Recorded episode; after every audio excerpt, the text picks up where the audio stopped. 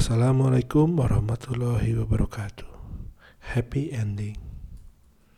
Sewaktu saya masih lajang dulu, saya sempat mengira bahwa pernikahan itu adalah happy ending, adalah akhir yang bahagia. Namun begitu saya menjalaninya, saya menyadari bahwa pernikahan itu sebenarnya awal, awal dari suatu perjalanan yang baru, awal yang alhamdulillah dijalani dengan bahagia dan semoga bisa berjalan seterusnya. Allah bantu Allah mudahkan supaya menjadi akhir yang bahagia pula. Namun sayangnya saat saya melihat data-data pernikahan yang ada di Indonesia ternyata banyak pernikahan yang tidak berakhir dengan baik jika kita melihat data di Kementerian Agama tahun 2016, ternyata ada 350 ribu perceraian pada tahun tersebut. Berarti kurang lebih ada 40 perceraian setiap jamnya. Tentu kita tidak bisa menggeneralisir bahwa semua perceraian berakhir buruk karena tentu ada perceraian-perceraian yang setelahnya justru ada banyak kebaikan di dalamnya uh, hubungan silaturahim antara mantan suami dan mantan istri masih berjalan dengan baik dan justru malah jadi lebih baik setelah bercerai. Tapi jika saya lihat tampaknya sebagian besar perceraian itu berakhir tidak dengan baik. Jadi saat pasangan suami istri di awal pernikahan berkomitmen untuk menjalani kehidupan pernikahan, mereka berdua sama-sama ingin membahagiakan pasangannya. Namun sayangnya pada perceraian pada pernikahan-pernikahan itu ada juga pernik, suami istri yang akhirnya malah merasa tidak bisa membahagiakan pasangannya, malah sampai merasa bahwa pasangannya itu membuat dirinya tidak bahagia. Di situlah di pernikahan kami, kami berusaha mempelajari hal-hal apa saja yang membuat pernikahan justru menjadi lebih buruk bagi suami istri. Yang sampai akhirnya kami menemukan satu literatur yang dibuat oleh John Mordecai Gottman, seorang psikolog di Amerika Serikat yang dia meneliti ribuan pasangan suami istri yang hasilnya dia bisa memprediksi apakah satu pasangan suami istri akan bercerai atau tidak dengan tingkat akurasi prediksinya di atas 90%. Artinya apa? Artinya dengan metode prediksinya Gottman, kalau kita melihat oh pasangan ini terancam untuk bercerai. Kita bisa menganalisis hal-hal apa saja yang membuat mereka terancam bercerai dan kita bisa memperbaiki pernikahan tersebut sehingga akhirnya perceraian bisa dihindari. Dan ini pun yang uh, saya harapkan saat ya saat saya mempelajari ini bersama istri saya, saya mengharapkan hal itu. Saya bisa menghindari ranjau-ranjau dalam rumah tangga. Dan apa saja sih sebenarnya yang Gottman amati di pernikahan-pernikahan apakah yang akhirnya dia bisa menentukan apakah suatu pernikahan terancam bercerai atau ternyata stabil dan bisa bertahan sangat lama sampai keduanya dipisahkan oleh kematian dan pernikahannya bukan hanya bertahan lama tapi juga dijalani dengan bahagia dan ternyata Gottman menyebutkan bahwa ada enam tanda pernikahan dalam bahaya. Yang ini sebetulnya tanda-tanda bahaya ini sudah beberapa kali saya bahas di episode-episode sebelumnya mulai dari matematika kebahagiaan yang dari situ kita bisa ketahuan hanya dari interaksi positif dan interaksi negatif kita bandingkan dan dari situ bisa tahu apakah pernikahan itu stabil atau tidak. Lalu dari awalan cara awal bertengkar dan juga empat senjata setan yang dan inilah lengkapnya apa saja sebenarnya tanda-tanda bahaya yang ternyata ada enam buah. Yang ini kita bakal bahas satu satu, satu persatu. Uh, tanda bahaya pernikahan ini semacam lampu kuning atau malah bisa dibilang ada beberapa tanda bahaya menjadi lampu merah dalam pernikahan yang di situ kita perlu hati-hati, kita perlu berhenti sejenak, mengevaluasi uh, pernikahan ini dan juga memperbaiki hal-hal yang dapat menjadi racun bagi rumah tangga. Jadi inilah dia enam tanda pernikahan dalam bahaya. Jadi tanda pernikahan dalam bahaya ini bisa diamati dari cara suami istri bertengkar. Dan tanda bahaya yang pertama dan kedua sudah dibahas di dua episode sebelumnya yaitu hard startup yang pertama itu. Hard startup, cara bertengkar, cara memulai pertengkaran yang kasar. Lalu yang kedua adalah empat senjata setan yang dibahas tepat di episode sebelum ini. Kita bakal masuk ke tanda bahaya yang ketiga. Enam tanda pernikahan dalam bahaya yang ketiga adalah ada istilah yang disebut flooding alias kewalahan. Flooding ini adalah karakter ciri-ciri fisik. Ciri-ciri fisik pada salah satu pasangan yang di situ pasangan mulai merasa dalam bahaya, merasa pasangannya sudah membahayakan dirinya secara emosional sampai akhirnya ciri-ciri fisiknya mulai terasa yaitu detak jantungnya mulai ada di atas 100 beat per menit yang itu normalnya di usia 30 pria itu 76 dan wanita itu 82 tapi Eh, orang-orang uh, ini mulai uh, mulai kewalahan sehingga yang ini bisa dilihat dari bahasa tubuhnya. Sebenarnya ini yang jadi masuk ke tanda keempat. Kita bahas dulu di tanda yang ketiga yang flooding yang biasanya kewalahan itu contoh cirinya adalah menutup diri dia mulai merasa bahwa negativitas pasangan itu terlalu intens, yang akhirnya dia berusaha melindungi diri dari pasangan. Yang ini biasanya dilakukan oleh laki-laki, yang akhirnya membuat pasangan yang perempuan merasa insecure terhadap hubungan mereka, insecure melihat pasangan yang menutup diri, insecure bertanya-tanya apakah pernikahan kita masih baik-baik saja atau tidak. Padahal sebenarnya pasangannya itu sebenarnya sedang kewalahan menghadapi negativitas yang uh, pasangannya keluarkan. Lalu tanda yang keempat adalah bahasa tubuh. Tanda pernikahan yang bahaya bisa kita lihat dari bahasa tubuh antara suami istri saat mereka bertengkar. Yang pertama tadi denyut jantungnya. Lalu yang kedua, jika dicek hormon dalam tubuhnya, cenderung adrenalinnya cenderung aktif. Saat bertengkar, jika pernikahan yang dalam bahaya, dia cenderung merasa dalam bahaya sehingga tubuhnya memproduksi adrenalin yang seharusnya tidak keluar saat berada dalam pasangan karena seharusnya kan pasangan menjadi sumber ketenangan dalam hidup. Namun saat ia merasa dalam bahaya, pasangan membahayakan emosional dirinya, dia bakal apalagi kalau sudah membahayakan secara fisik ya sudah masuk ke KDRT adrenalinnya akan cenderung aktif. Yang ini bakal memberi respon antara fight or flight, antara melawan balik atau melarikan diri.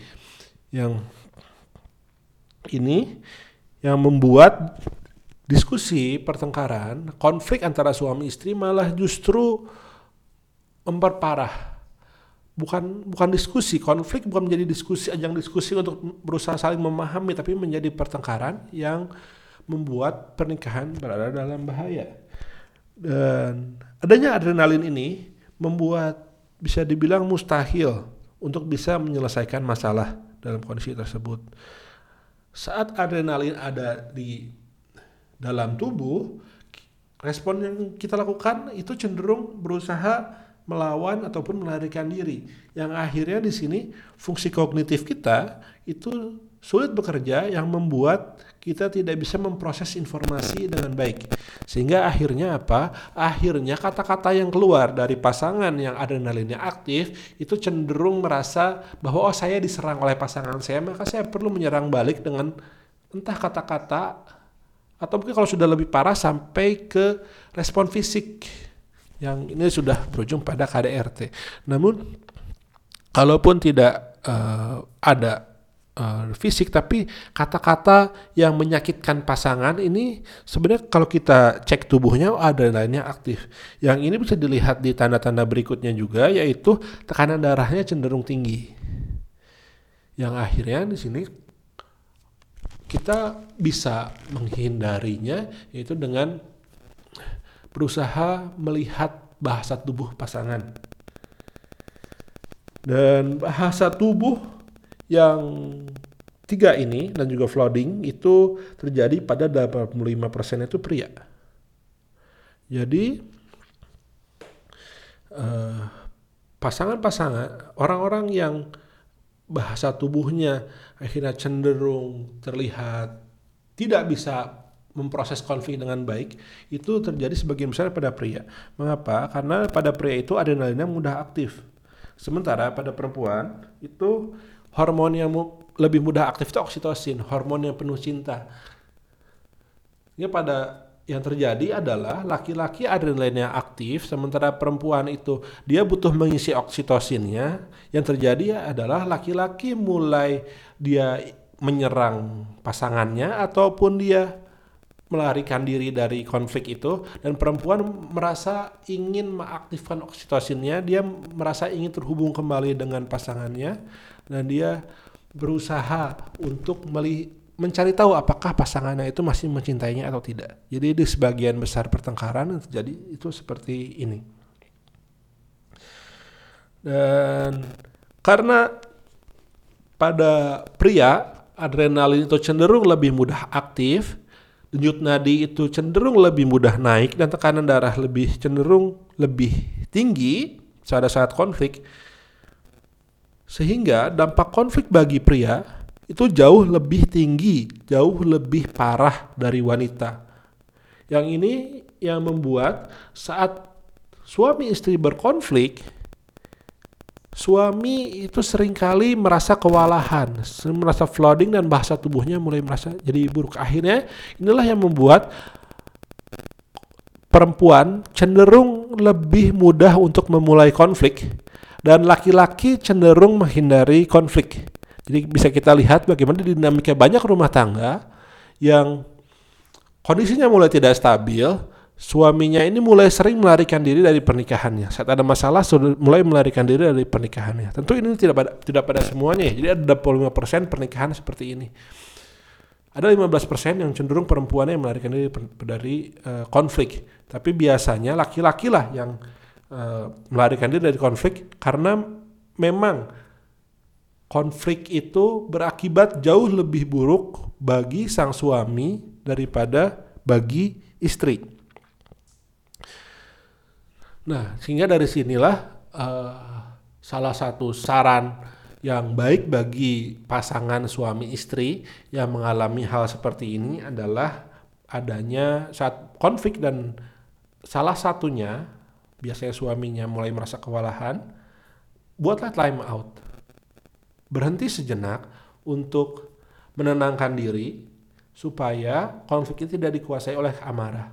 Dan bagi perempuan sadari bahwa bagi istri-istri yang suaminya itu sering kali kewalahan dan bahasa tubuhnya tertutup saat konflik, sadari bahwa suaminya butuh waktu untuk memproses semua informasi yang ada sehingga dia bisa berpikir jernih.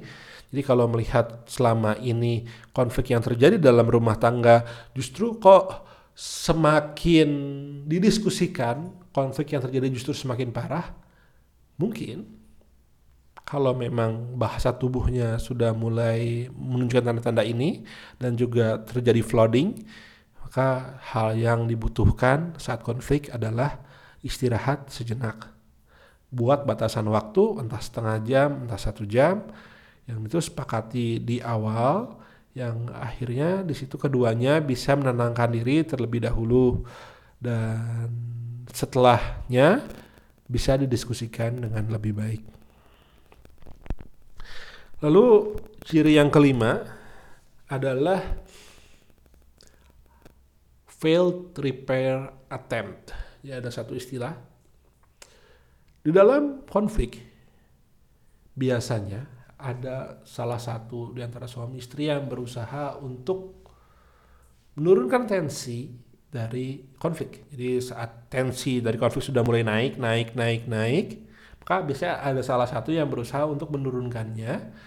Yang dari usaha itu yang harapannya, oh konflik itu bisa didiskusikan dengan cara yang lebih sehat. Jadi contoh-contoh repair attempt ini bisa macam-macam ya. Sebenarnya bisa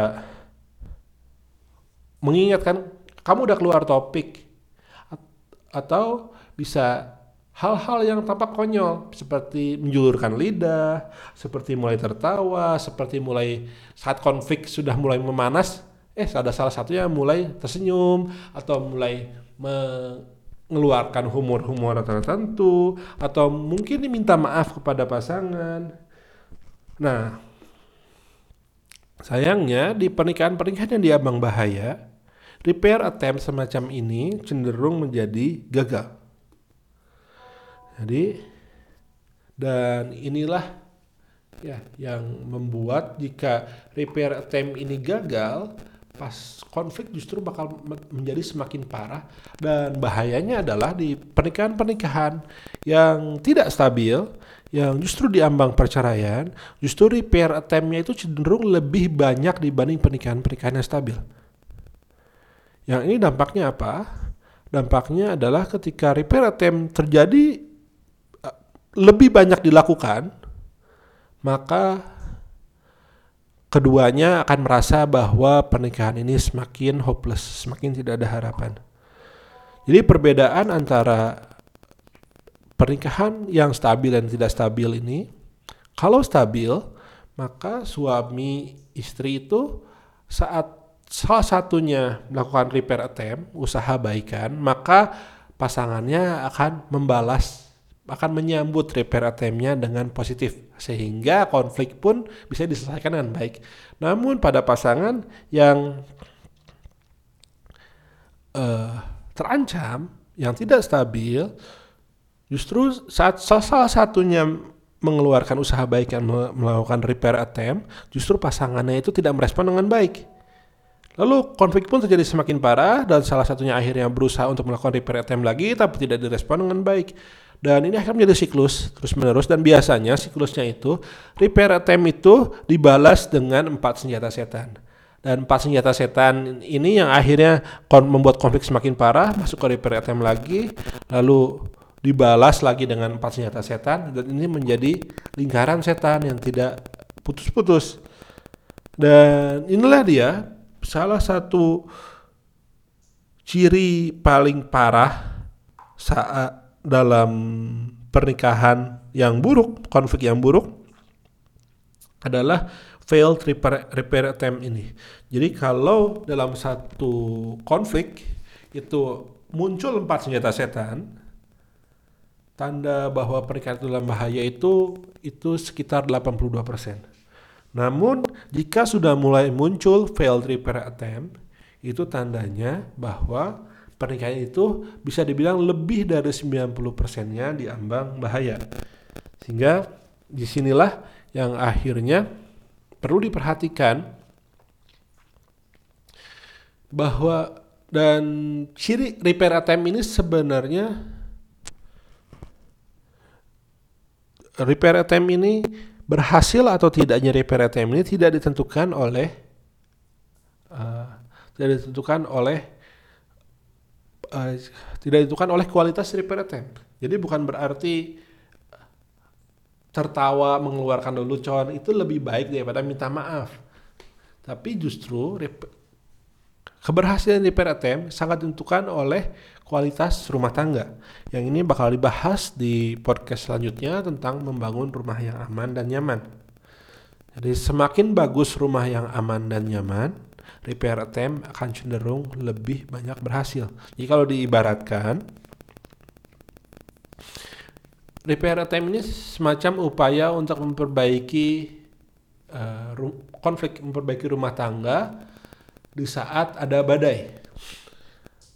Jika rumah tangga, bilang rumahnya ya, rumah secara fisiknya ini cenderung bagus, atapnya baik, fondasinya kokoh, temboknya bagus, maka badai tidak akan mengganggu orang-orang dalam rumah.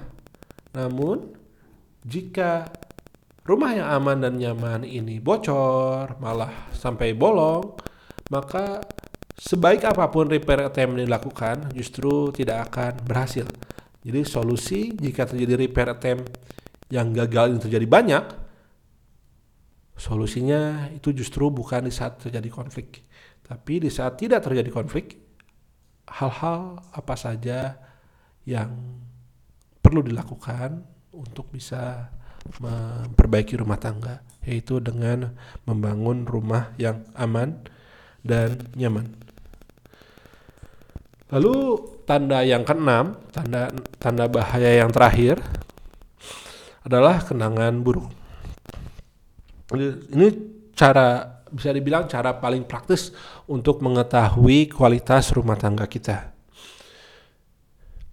Secara umum, di kenangan-kenangan di awal mula pernikahan, di saat pernikahan, saat lamaran, saat bulan madu, di tahun-tahun pertama itu cenderung bahagia. Dan tentu saja di dalam tahun awal yang bahagia itu ada kenangan-kenangan yang baik dan juga ada kenangan-kenangan yang bisa dibilang tidak menyenangkan. Uniknya, pada pernikahan yang tidak stabil, yang terancam diambang perceraian, jika ditanya kenangan apa yang kamu alam, yang kamu ingat tentang awal mula pernikahan, atau orang seperti apa sih yang dulu kamu nikahi itu? Di pernikahan-pernikahan yang diambang perceraian, justru yang dimunculkan adalah kenangan-kenangan buruk. Sifat-sifat buruk yang cenderung diceritakan tentang pasangannya. Hal-hal buruk yang pasangannya lakukan yang justru diceritakan kepada orang lain jika ditanya tentang kenangan di tahun pertama. Jadi inilah pada pernikahan-pernikahan yang diambang perceraian itu cenderung terjadi penulisan ulang sejarah pernikahan. Sejarah pernikahan menjadi buruk, menjadi tampak tidak ada baiknya. Ini kalau kita lihat di situasi politik sekarang ini, kadang ada sering terjadi ya eh, salah satu pendukung uh, calon tertentu yang dia melihat kalau pasangannya itu kelihatannya buruk-buruknya aja dan melihat dan melihat bahwa uh, calon pasangan yang dia uh, yang dia dukung itu cenderung dia melihat ada baik-baiknya saja dan inilah yang terjadi pada pernikahan yang terancam bahaya. Sejarahnya itu cenderung menjadi hal-hal yang ia ceritakan tentang pasangannya, tentang awal mula pernikahannya cenderung menjadi buruk.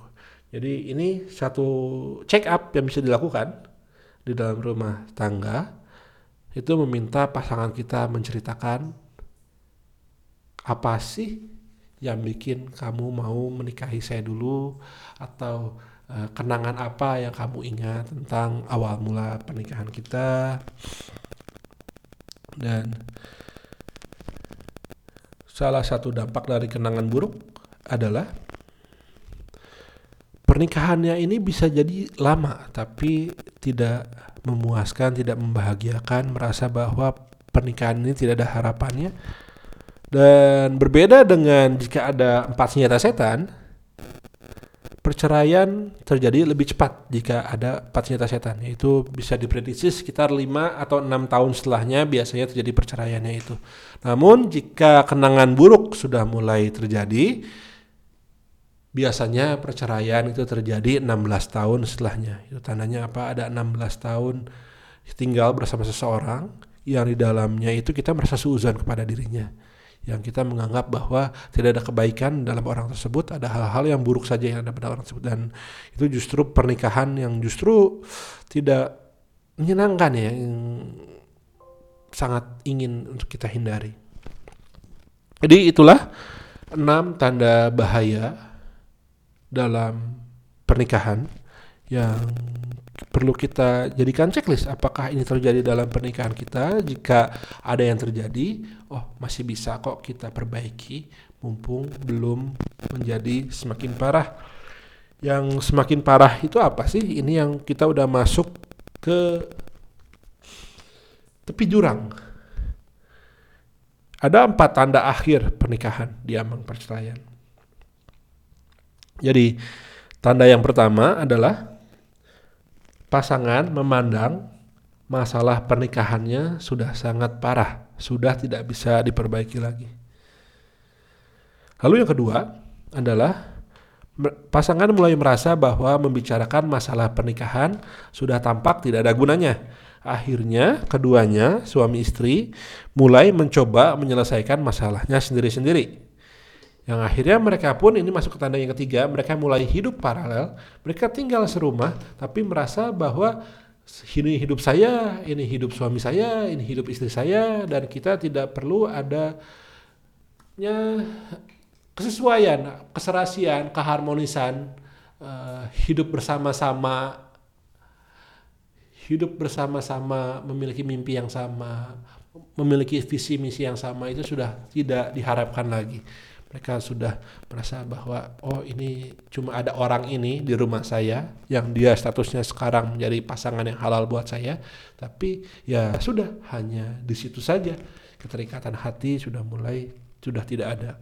Yang akhirnya berujung pada tanda yang terakhir itu mulai kesepian di dalam rumah tangga.